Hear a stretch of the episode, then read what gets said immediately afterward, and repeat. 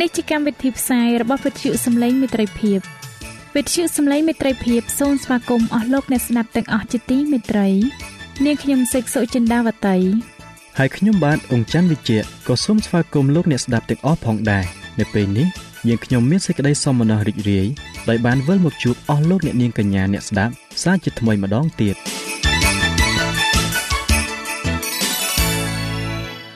នាងខ្ញុំសេកសុចិន្តាវតី សូមជម្រាបជូនកម្មវិធីផ្សាយដែលមានជាបន្តបន្ទាប់ដូចតទៅនេតិជួបជាមួយព្រះបន្ទូលនេតិសុខភាពចា៎លោកអ្នកស្ដាប់ជាទីមេត្រី នាងខ្ញុំសូមគោរពអញ្ជើញអស់លោកលោកស្រី អ្នកនាងកញ្ញាតាមដានស្ដាប់កម្មវិធីផ្សាយរបស់វិទ្យុយើងខ្ញុំដូចតទៅ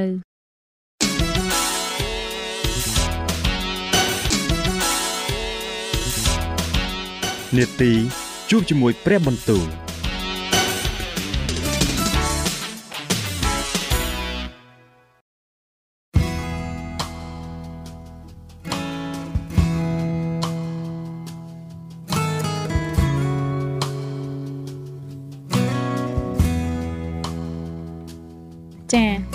ស់លោកអ្នកស្ដាប់ជាទីមេត្រី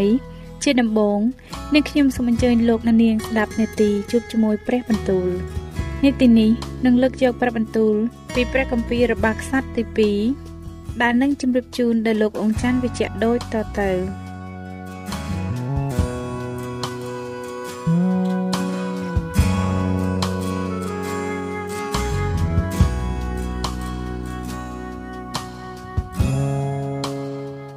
ព្រះគម្ពីររបស់ខ្សត្រទី2ចំពុកទី14អាប៊ីយ៉ាទ្រង់ផ្ទុំលក់ទៅជាមួយនឹងពួកអាយកោទ្រង់ទៅហើយគេបញ្ចុះសពទ្រង់នៅក្នុងក្រុងដាវីតរួចអេសា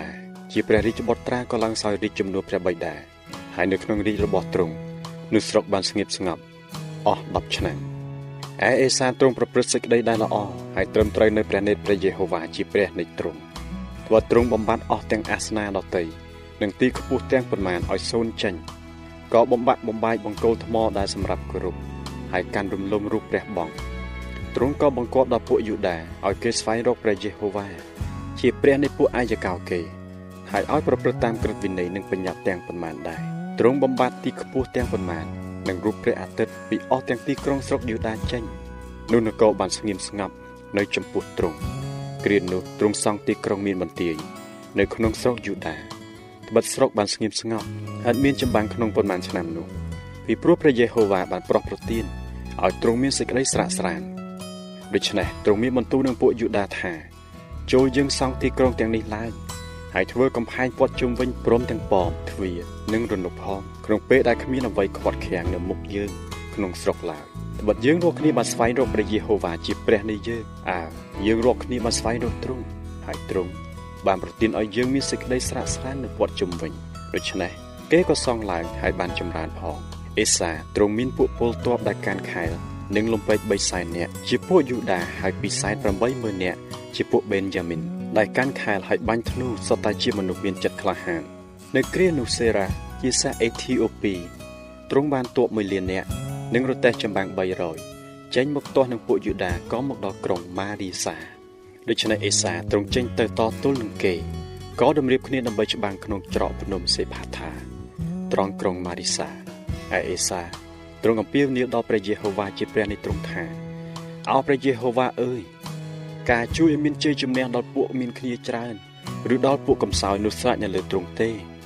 អោព្រះយេហូវ៉ាជាព្រះនៃយើងរាល់គ្នាអើយសូមជួយយើងខ្ញុំផងត្បិតយើងខ្ញុំផ្អែកលើទ្រង់ជាទីពឹងគឺដោយនៅតែព្រះនាមទ្រង់ប៉ុណ្ណោះ ដែលយើងរាល់គ្នាបានមកតើនឹងពួកមានគ្នាច្រើនទាំងនេះអោព្រះយេហូវ៉ាអើយទ្រង់ជាព្រះនៃយើងរាល់គ្នាសូមកុំឲ្យមនុស្សឈ្នះទ្រង់ឡើយដូច្នេះព្រះយេហូវ៉ាទ្រង់ក៏វាពួកអេធីអូពីនៅចំពោះអេសា និងយូដាឲ្យគេបាក់ទ័ពរត់ទៅរួចអេសានិងពួកពលដែលនៅជាមួយក៏ដេញតាមទៅរហូតដល់ក្រុងកេរ៉ាហើយពួកអេធីអូពីគេដួលស្លាប់ជាច្រើននាក់ដល់ម្លេះបានជាគេងើបឡើងឲ្យមានកម្លាំងទៀតមិនបាន ពីព្រោះគេត្រូវបាក់បែកនៅចំពោះព្រះយេហូវ៉ាហើយចំពោះពួកពលទ័ពរបស់ទ្រង់ពួកខាងអេសាក៏ចាប់យកបានរបបយ៉ាងសន្ធឹកហើយវាអស់ទាំងទីក្រុងនៃជុំវិញក្រុងកេរ៉ាដែរពីព្រោះសេចក្តីស្ញាញ់ខ្លាចរបស់ព្រះយេហូវ៉ាបានគ្រប់សង្កត់លើពួកក្រុងទាំងនោះពួកយូដាក៏ប្លន់ទីក្រុងទាំងនោះយកបានរបស់យ៉ាងសន្ធឹកហើយវាយទាំងរោងសัตว์នាំយកបានជាមជាបរិបូរព្រមទាំងអូតផងរួចត្រឡប់ទៅឯក្រុងយេរូសាឡឹមវិញ ព្រះគម្ពីររបស់ខ្សត្រទី2ចំពោះទី15គ្រានោះព្រះវិញ្ញាណនៃព្រះក៏មកសន្ធិដ្ឋលើអាសារៀជាកូនអូដេតហើយលោកចេញទៅទទួលអេសាទូលថាបបិទ្ធប្រកាសរណាអេសាព្រមទាំងពួកយូដានិងពួកបេនយ៉ាមីនទាំងអស់គ្នាអើយសូមស្ដាប់ចុះកំពុងតែអ្នករាល់គ្នានៅជាមួយនឹងព្រះយេហូវ៉ានោះទ្រង់ក៏គង់ជាមួយនឹងអ្នករាល់គ្នាដែរបើអ្នករាល់គ្នាស្វែងរកទ្រង់នោះនឹងរកឃើញពិតតែបើអ្នករាល់គ្នាបោះបង់ចោលទ្រង់វិញ ទ្រង់ក៏នឹងបោះបង់ចោលអ្នករាល់គ្នាដែររីឯនៅគ្រានោះពួកអ៊ីស្រាអែលឥតមានព្រះដ៏ពិតទេក៏គ្មានពួកសង្ឃដែលបង្ហាត់បង្រៀនហើយគ្មានក្រឹតវិន័យដែរនៅអស់កាលជាយូរមកហើយតែកាលកើតមានសេចក្តីវេទនានោះហើយគេបានវិលមកឯព្រះយេហូវ៉ាជាព្រះនៃសាសអ៊ីស្រាអែលវិញព្រមទាំងស្វែងរកទ្រង់ផងនោះក៏រកទ្រង់ឃើញនៅអស់ទាំងគ្រានោះគ្មានសេចក្តីសុខដល់ណាដែលចេញចូលទៅឯណាឡើយគឺមានសត្វតែសេចក្តីប្រទុះសរាយជាខ្លាំង ដល់អស់អ្នកនៅក្នុងស្រុកទាំងនោះវិញតែត្រូវបាក់បាយខ្ទេចខ្ទីទៅ គឺនគរមួយទាស់នឹងនគរមួយហើយទីក្រុងមួយទាស់នឹងទីក្រុងមួយទៀតពីព្រោះព្រះទ្រង់ធ្វើឲ្យមានសេចក្តីប្រទុះសរាយដល់គេដោយនៅសេចក្តីទំនាស់គ្រប់យ៉ាងតែឯអ្នករស់គ្នាចូលខំប្រឹងឡើងកុំឲ្យដៃថយកម្លាំងឡើយពីព្រោះកាលដែលអ្នករស់គ្នាធ្វើ នោះនឹងបានរង្វាន់លុះកាលអេសាបានលើពាក្យទាំងនោះ គឺជាសេចក្តីទំនាយរបស់ហោរ៉ាអូដេតហើយនោះទ្រង់មានព្រះតីក្លាហានឡើង ក៏បំបត្តិអស់ទាំងរបស់គូសពខ្ពើមពីក្នុងស្រុកយូដានិងស្រុកបេនយ៉ាមីនទាំងអស់ចេញហើយពីអស់ទាំងទីក្រុងដែលទ្រង់ចាប់យកបាន នៅស្រុកភ្នំអេប្រាអឹមទ្រង់ក៏រៀបអាសនៈនៃព្រះយេហូវ៉ាដែលនៅមុខបាំងសាចព្រះវិហារនៃព្រះយេហូវ៉ាឡើងជាថ្មីវិញរួចទ្រង់ប្រមូលពួកយូដានិងពួកបេនយ៉ាមីនព្រមទាំងពួកអេប្រាអឹមម៉ាណាសេនិងស៊ីមៀនដែលនៅជាមួយទាំងប៉ុន្មានឲ្យមូលគ្នាត្បិតមានពួកអ៊ីស្រាអែលជាច្រើនបានបាក់ចូលមកខាងទ្រង់ ដោយឃើញថាព្រះយេហូវ៉ាជាព្រះនៃទ្រង់គង់នៅជាមួយនឹងទ្រង់ពិតដូច្នេះគេក៏មូលគ្នាមកឯក្រុងយេរូសាឡឹមនៅខែចេះឆ្នាំទី15ក្នុងរាជអេសាហើយនៅថ្ងៃនោះឯងគេថ្វាយយ៉ាញ់បូជាដល់ព្រះយេហូវ៉ាពីរបបដែលបាននាំយកមកគឺគោ700និងជាង7000គេក៏ព្រមព្រៀងគ្នានឹងតាំងសេចក្តីសញ្ញាឲ្យបានខំប្រឹងស្វែងរកតាមព្រះយេហូវ៉ាជាព្រះនៃពួកអាយកោគេអស់ពីចិត្តអស់ពីព្រលឹង ហើយថាអ្នកណា ដែលមិនព្រមស្វែងរកព្រះយេហូវ៉ាជាព្រះនៃសាសអ៊ីស្រាអែលនោះនឹងត្រូវសម្លាប់បងទោះតូចឬធំ ប្រុសឬស្រីក្តី គេក៏ស្បត់ដល់ព្រះយេហូវ៉ាដោយសំឡេងដ៏ខ្លាំងហើយដោយស្រែកហូព្រមទាំងផ្លុំត្រែនិងស្នែងផងពួកយូដាទាំងអស់គ្នាមានសេចក្តីអំណរដោយសេចក្តីសម្បត្តិនោះ ពីព្រោះគេបានស្បត់ដោយចិត្តស្មោះហើយស្វែងរកព្រះយេហូវ៉ាដោយពេញបំណងចិត្តក៏រកទ្រង់ឃើញផង ព្រះយេហូវ៉ាទ្រង់ប្រទានឲ្យគេបានសេចក្តីស្រាក់ស្រាននៅព័ទ្ធជុំវិញឯនាងម៉ាអាកាជាព្រះមេដាស្ដេចអេសាទ្រង់ក៏ដកពីតំណែងជាមេដាលួងចេញដោយព្រោះព្រះនាងបានធ្វើរូបគួរស្អប់ខ្ពើមទុកជាព្រះអេសាទ្រង់ក៏កាប់រំលំរូបនោះកិនកំទេចជាផង់យកទៅដុតចោលនៅត្រង់ជ្រោះកេដ្រុនតែឯទីខ្ពស់ទាំងប៉ុន្មាននោះមិនបានបំបាក់ចេញពីស្រុកអ៊ីស្រាអែលទេប៉ុន្តែអេសាទ្រង់មានប្រតិយស្មោះត្រង់អស់មួយប្រជុំទ្រង់ ទ្រង់ក៏នាំយកអស់ទាំងរបស់ដែលព្រះបិតាទ្រង់បានថ្វាយនិងរបស់ដែលអង្គទ្រង់បានថ្វាយផងមកតម្កល់ទុកក្នុងព្រះវិហារនៃព្រះ គឺប្រាក់មាសនិងគ្រឿងប្រដាប់ផ្សេងផ្សេងតពីនោះមកគ្មានចម្បាំងទៀតឡើយដរាបដល់ឆ្នាំទី35ក្នុងរាជអេសា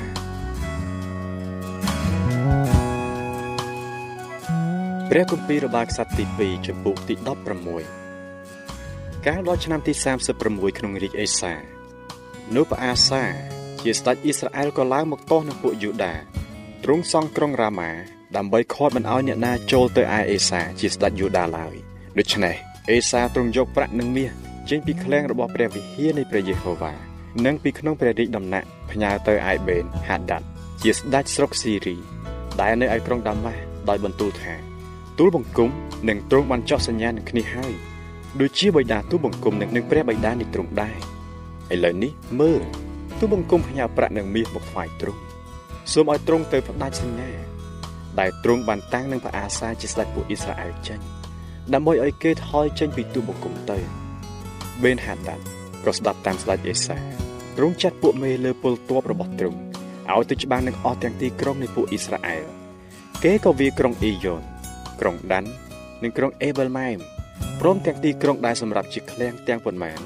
នៅក្នុងស្រុក ណៃបថាលីផងលុះកាលព្រះអាសាបានលើហើយនោះទ្រង់ក៏លែងសង់ក្រុងរ៉ាម៉ាឈប់ចោលការទាំងនោះទៅរួចស្ដេចអេសាទ្រង់នាំពួកយូដាទាំងអស់ចេញទៅ យកថ្មនិងឈើទាំងប៉ុន្មានពីរ៉ាម៉ាដែលព្រះអាសាកំពុងតែសង់ទីក្រុងនោះ ទៅសង់ក្រុងកេបានិងមីស្ប៉ាវិញនៅវេលានោះហានានី ជាអ្នកមើលឆុតលោកមកឯអេសាជាស្ដេចយូដាទូលថា ដោយព្រោះទ្រង់បានពឹងដល់ស្ដេចសេរីមិនបានពឹងដល់ព្រះយេហូវ៉ាជាព្រះនៃទ្រង់នោះពួកពលទ័ពរបស់ស្ដេចសេរីបានរួចពីកណ្ដាប់ដៃព្រះហស្ថទ្រង់ហើយឯពួកសាសអេធីអូពីនិងពួកលីប៊ីតើគេមិនមែនជាពលយ៉ាងធំមានទាំងរទេះចម្បាំងនិងពលសេះសន្ធឹកទេឬអីប៉ុន្តែដោយព្រោះទ្រង់បានពឹងដល់ព្រះយេហូវ៉ាបានជាព្រះទ្រង់ប្រគល់គេមកក្នុងកំដាប់ដៃព្រះហស្ថព្រះករុណាវិញបិទព្រះនេតនៃព្រះយេហូវ៉ាជាតែតូចច្រវាត់ នៅគ្រប់លើផែនដីទាំងមូលដើម្បីនឹងសម្ដែងព្រះចេស្តាជួយដល់អស់អ្នកណាដែលមានចិត្តស្មោះត្រង់ចំពោះទ្រង់ព្រះករុណាបានប្រព្រឹត្តបែបឆោតល្ងងហើយបិទពីនេះទៅមុខនឹងចេះតែមានចម្បាំងជានិច្ចនោះអេសាមានសេចក្តីក្រេវក្រោធនឹងអ្នកមើលឆក់ហើយទ្រង់ចាប់ដាក់គុកពីព្រោះទ្រង់មានសេចក្តីខូខើជាខ្លាំងដោយព្រោះដំណើរនោះនៅគ្រានោះអេសាក៏សង្កត់សង្កិនរះខ្លះដែរហើយមើលដំណើរទាំងប៉ុន្មានពីអេសា ទាំងមុនទាំងក្រោយនោះបានកន់ទុកនៅក្នុងសិភៅដែលថ្លែងពីពួកស្ដេចយូដានិងអ៊ីស្រាអែលហើយរីឯនៅក្នុងឆ្នាំទី39នៃរាជអេសានោះទ្រង់ចាប់ប្រឈួនត្រង់ព្រះបាទមានអាការៈដ៏ធ្ងន់ប៉ុន្តែក្នុងការប្រជុំនោះទ្រង់មិនបានស្វែងរកព្រះយេហូវ៉ាទេ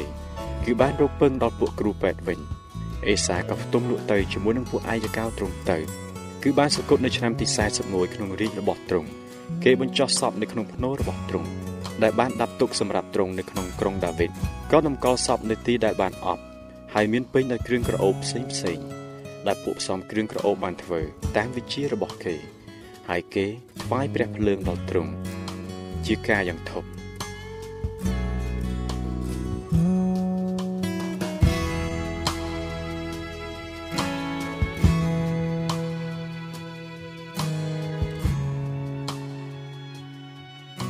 ចា៎ប្រិយមិត្តអ្នកស្ដាប់ជាទីមេត្រី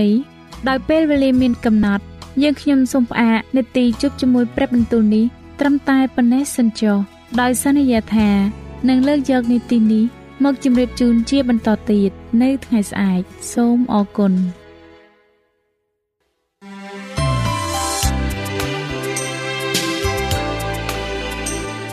វិទ្យុសំឡេងមេត្រីភាព AWR នាំមកជូនលោកអ្នក នៅសារនៃសេចក្តីស្រឡាញ់ពីព្រះអង្គម្ចាស់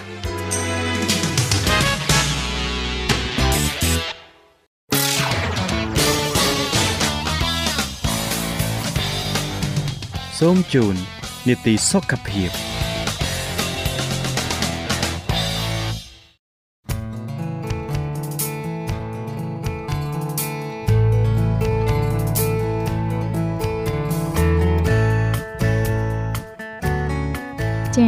នៅក្នុងនីតិសុខភាពនៅថ្ងៃនេះនាងខ្ញុំសូមគោរពអញ្ជើញអស់លោកអ្នកនាងតាមដានស្ដាប់មេរៀនសុខភាពដែលនឹងជម្រាបជូនដោយកញ្ញាឌីណាដូចតទៅ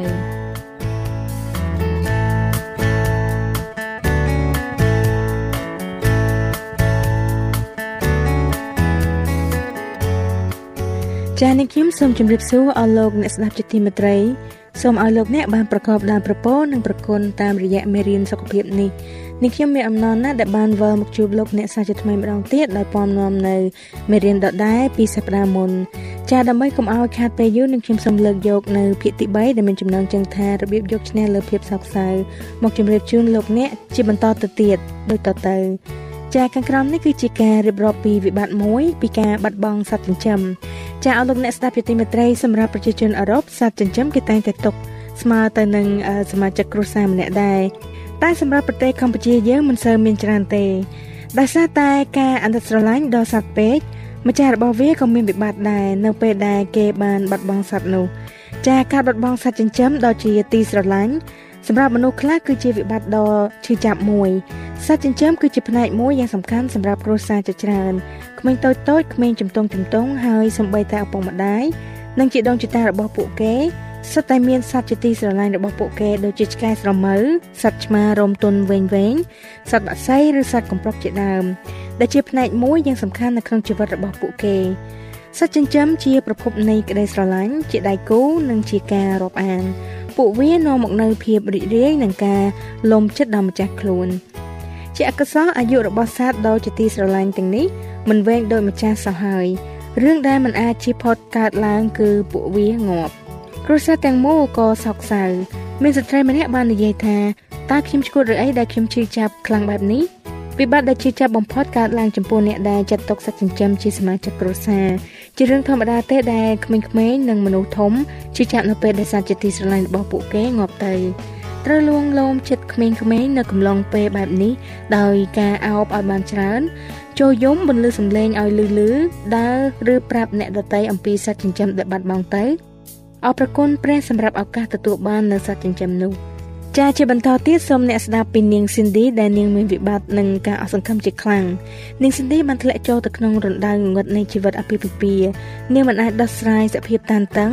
ក្នុងជីវិតរបស់នាងបានហើយមិនយូរប៉ុន្មាន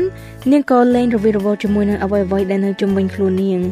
មិនថានាងខំប្រឹងធ្វើអ្វីក៏ដោយក៏អ្វីដែលនាងធ្វើដូចជាមិនត្រូវតតែសោះ ហើយលោក Bill ដែលជាស្វាមីរបស់នាងហាក់បីដូចជាមិនសូវអើពើទៅនឹងសេចក្តីត្រូវការរបស់នាងសោះហើយមើងងាយក៏ដូចជាប្រងើយកន្តើយទៅនឹងភាពកំសោយរបស់នាងការបដិសេធរបស់ប្តីនាងបានធ្វើឲ្យមនុស្សដ៏ជាទីស្រឡាញ់ម្នាក់នេះខ្លាចទៅជាប្រពន្ធម្នាក់មានវិបត្តិផ្លូវចិត្តហើយបោះបង់ចំណងអាពាហ៍ពិពាហ៍គ្រួសារនិងមនុស្សដទៃទៀតនាងមានអារម្មណ៍ថាគេបោះបង់ចោលនាងហើយហើយគ្មានតម្លៃអ្វីបន្តិចឡើយគឺវាជាវិបត្តិមួយសម្រាប់ក្រុមគ្រួសារមួយនេះ ចាគ្រូកងវាក៏បានទៅជួបប្តីរបស់ Cindy ដើម្បីពិភាក្សាអំពីការធ្លាក់ទឹកចិត្តនិងអារម្មណ៍តានតឹងរបស់នាងគាត់ស្នើជាគំនិតខ្លះៗដល់លោក Bill ដើម្បីព្យាបាលផ្លូវអារម្មណ៍របស់ប្រពន្ធខ្លួន ការណែនាំរបស់គាត់មានដូចជាគិតអំពីរឿងល្អៗពី10ទៅ15ចំណុចដែលអ្នកពេញចិត្តចំពោះប្រពន្ធរបស់អ្នកបន្ទាប់មកអរប្រគុណព្រះចំពោះចំណុចល្អទាំងនោះដោយសេចក្តីអធិដ្ឋានលោក Bill សុខចិត្តសាកល្បងធ្វើតាមយ៉ាងគឺដោយសារតែជីវិតអាពាហ៍ពិពាហ៍របស់ពួកគេ កាន់តែប្រេះស្រាំយ៉ាងកំហុកផងគាត់ចាប់ផ្ដើមនឹកគិតអំពីអ្វីៗដែលគាត់ចូលចិត្តចំពោះ Cindy ដែលជាប្រពន្ធខ្លួនហើយអ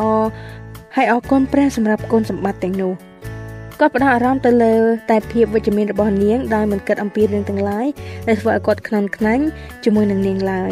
រួចលោកបៀក៏ចាប់ផ្ដើមប្រាប់ទៅប្រពន្ធខ្លួនអំពីចំណុចល្អរបស់នាងដែលគាត់សង្កេតឃើញ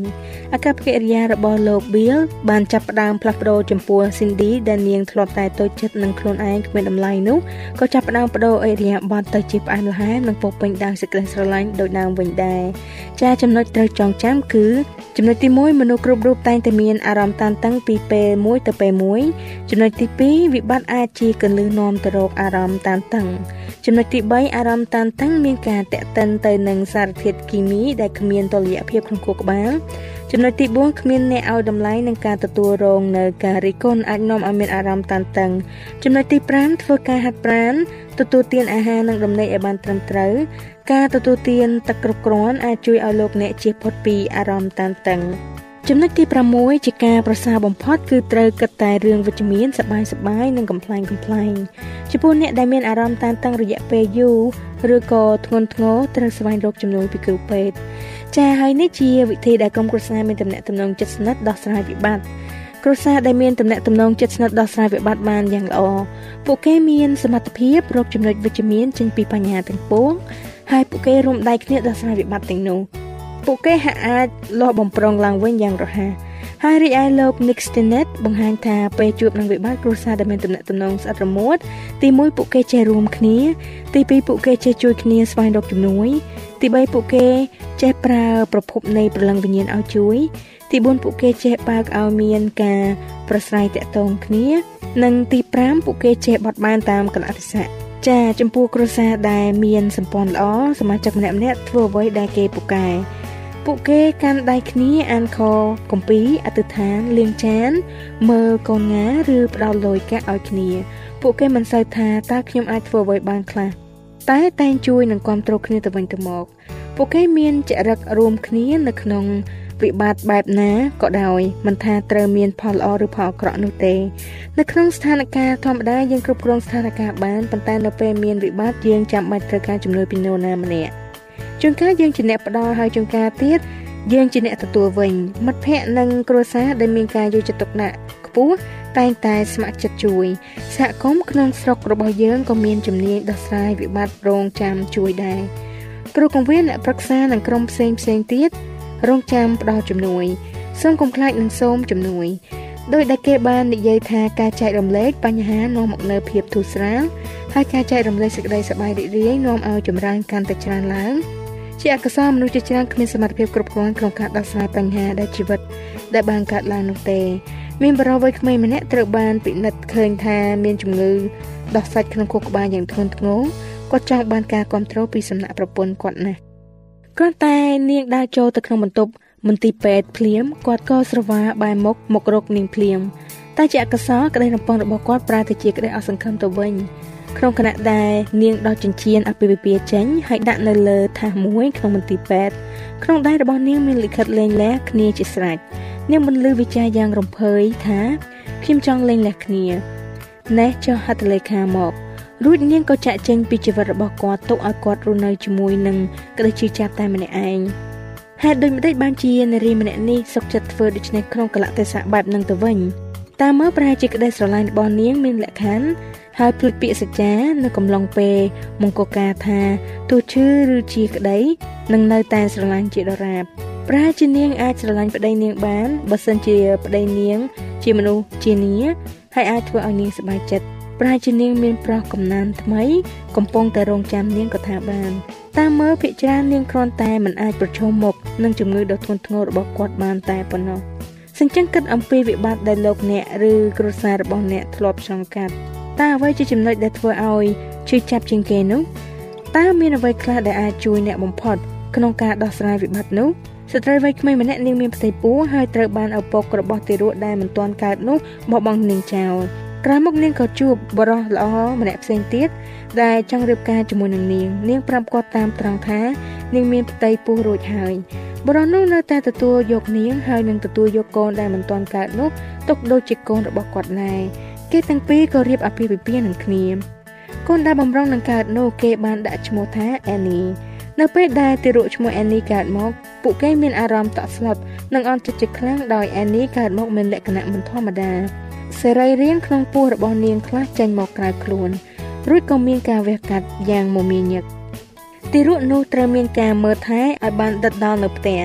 សមាជិកសហគមន៍គ្រីស្ទៀនបានប្រមូលផ្ដុំគ្នាមកជួយគ្រួសារមួយនេះ ក្នុងគ្រាមានអាសន្នបែបនេះហើយក្រុមថែរក្សាក្មេងក៏នាំគ្នាមកដើម្បីមើលថែទារកកំសត់នោះការត្រដររស់យ៉ាងត្រដាបត្រដួលនេះបានតែ2 3សប្តាហ៍ប៉ុណ្ណោះទីបំផុតនាងតូចក៏ស្លាប់ទៅនៅថ្ងៃបុណ្យសពក្រុមជំនុំមកពេញព្រះវិហារដោយមានទឹកភ្នែកជាសេចក្តីអាណិតអាសូរនិងក្តុកក្តួលក្នុងអារម្មណ៍ជាខ្លាំងក្នុងការរំលែកទុក្ខដល់គ្រួសារនៃសពប្រជាម្ចាស់មានបន្ទូលមកកាន់យ៉ាងថាកុំ ឲ្យឯងរកគ្នានឹងចាំពីការទាំងប្រមាណដែលកន្លងទៅហើយឬរិះគិតពីអស់ទាំងការពីចាស់បុរាណនោះឡើយអញនឹងនៅជាមួយឯងអេសាយចំពុកទី43ខ18ចាបើសិនជាលោកអ្នកមាននរណាម្នាក់នៅក្នុងក្រុមគ្រួសារមានការជំងឺមហារីកវិញតើលោកអ្នកត្រូវដោះស្រាយវិបត្តិនោះយ៉ាងណាវិបត្តិច្រើនរាប់មិនអស់ដែលមនុស្សជាតិជួបជារៀងរាល់ថ្ងៃ ជំងឺមហារីកគឺជាវិបត្តិនៃគ្រោះដ៏ធំមួយសម្រាប់បុគ្គលនិងក្រុមគ្រួសារជំងឺមហារីកគឺជាគ្រោះកាចដ៏គួរឲ្យភ័យខ្លាចមួយ ដែលមិនមាននាំទុកដល់បុគ្គលដែលកើតតែម្នាក់ឯងទេ តែនាំឲ្យគ្រួសារទាំងមូលរងគ្រោះដោយខ្យល់ព្យុះនៃការឈឺចាប់ មជ្ឈមណ្ឌលប្រយុទ្ធប្រឆាំងជំងឺមហារីកជាតិអាមេរិកបានបង្ហាញរបាយការណ៍ថាក្នុងឆ្នាំ2008មានជំងឺមហារីកប្រមាណជា12.7លានករណីត្រូវបានពិនិត្យឃើញហើយស្លាប់ដោយជំងឺមហារីកចំនួន7.6លាននៅជុំវិញពិភពលោកពិតជាគួរឲ្យល្វើយទាំងកាយទាំងចិត្តណាស់នៅពេលដែលឮរបាយការណ៍ពីមន្ទីរពិសោធន៍ដ៏ស្ងួតស្ងាត់ថា លទ្ធផលនៃការពិនិត្យគឺសុទ្ធតែបង្ហាញថាមានជំងឺមហារីកលោកអ្នកក៏ប្រហែលជាធ្លាប់ឮពាក្យទាំងនេះដែរហើយតើលោកអ្នកកំពុងជួបនៅវិបត្តិដ៏គ្រោះថ្នាក់ដែរឬទេសូមកុំចោះចាញ់ឲ្យសោះត្រូវតស៊ូដើម្បីជីវិតសូមលោកអ្នកសាកគិតទៅមើលថាមានសមាជិកគ្រួសារប្រមាណអ្នកដែលនឹងរងវិបត្តិដោយមានបុគ្គលម្នាក់កើតជំងឺដ៏កាចសាហាវនេះបន្ទាប់មកចូលគុណវិបត្តិនេះទៅនឹង1សែនអ្នកតែនឹងធ្លាក់ទៅក្នុងព្យុះនៃវិបត្តិនេះដែរ ចំណុចដែលប្រសើរបំផុតចេញពីវិបត្តិនេះគឺថាមិត្តភ័ក្តិនិងក្រុមគ្រួសារនឹងចាប់ផ្ដើមគិតគូរយ៉ាងម៉ត់ចត់អំពីជំរើសនៃការរស់នៅរបស់ពួកគេដែលអាចការពារមិនឲ្យខ្លួនគេខ្លាចទៅជាជនរងគ្រោះដោយជំងឺដ៏កាចសាហាវនេះដែរប៉ុន្តែស្របពេលជាមួយគ្នានោះពួកគេត្រូវប្រឈមមុខនឹងដោះស្រាយវិបត្តិជាមួយក្រុមគ្រួសារទាំងមូលសិនចាលោកអ្នកស្ដាប់ជាទីមេត្រីពេលវេលានៃនីតិសុខភាពរបស់យើងបានមកដល់ទីបញ្ចប់ហើយ នាងខ្ញុំនឹងវិលមកជួបលោកអ្នកវិញម្ដងទៀតតាមពេលវេលានឹងម៉ោងដដែលដោយបាននាំនៅភាគទី4នៃមេរៀនដដែលនេះមកជូនលោកអ្នកនៅសប្ដាហ៍ក្រោយទៀតចា៎ដូច្នេះសូមអរប្រជាម្ចាស់ប្រទានពរដល់អស់លោកអ្នកបងប្អូនទាំងអស់គ្នាសម្រាប់ពេលនេះនាងខ្ញុំឌីណាសូមអរគុណសូមជម្រាបលា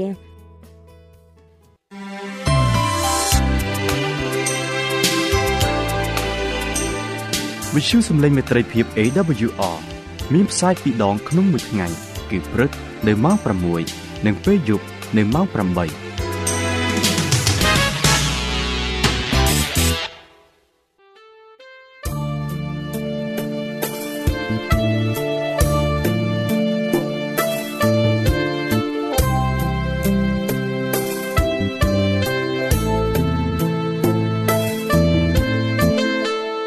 ើសិនជាលោកអ្នកមានសំណួរ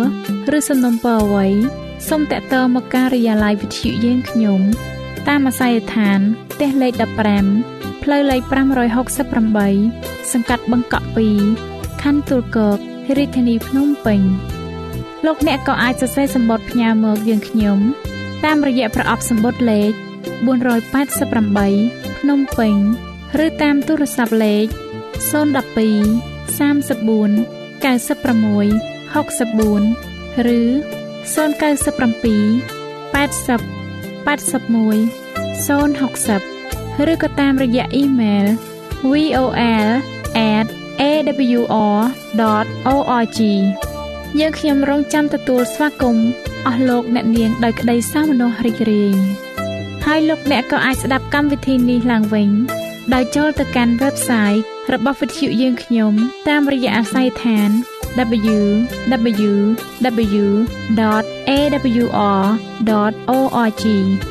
លោកអ្នកនាងកញ្ញាជាទីមេត្រី កម្មវិធីផ្សាយរបស់វិទ្យុសំឡេងមេត្រីភាពនៅពេលនេះសូមបញ្ចប់តែប៉ុណ្ណេះយើងខ្ញុំសូមអរគុណចំពោះការតាមដានស្ដាប់របស់អស់លោកអ្នកតាំងពីដើមរហូតដល់ចប់យើងខ្ញុំសូមជូនពរឲ្យអស់លោកអ្នកនាងកញ្ញាទាំងអស់បានចម្រើនឡើងក្នុងព្រះគុណព្រះអង្គម្ចាស់ហើយក្នុងការទទួលយកព្រះយេស៊ូវគ្រីស្ទជាព្រះអង្គម្ចាស់ និងជាព្រះអង្គសង្គ្រោះនៃយើងរាល់គ្នានាទីផ្សាយរបស់វិទ្យុយើងខ្ញុំនឹងវិលមកជួបអស់លោកអ្នកសាជាថ្មីម្ដងទៀតនៅថ្ងៃស្អែកវេលាម៉ោងដដែលនាងខ្ញុំសេកសុចិន្តាវតីនិងខ្ញុំបាទអ៊ំច័ន្ទវិជ្ជៈសូមអរគុណសូមជម្រាបលា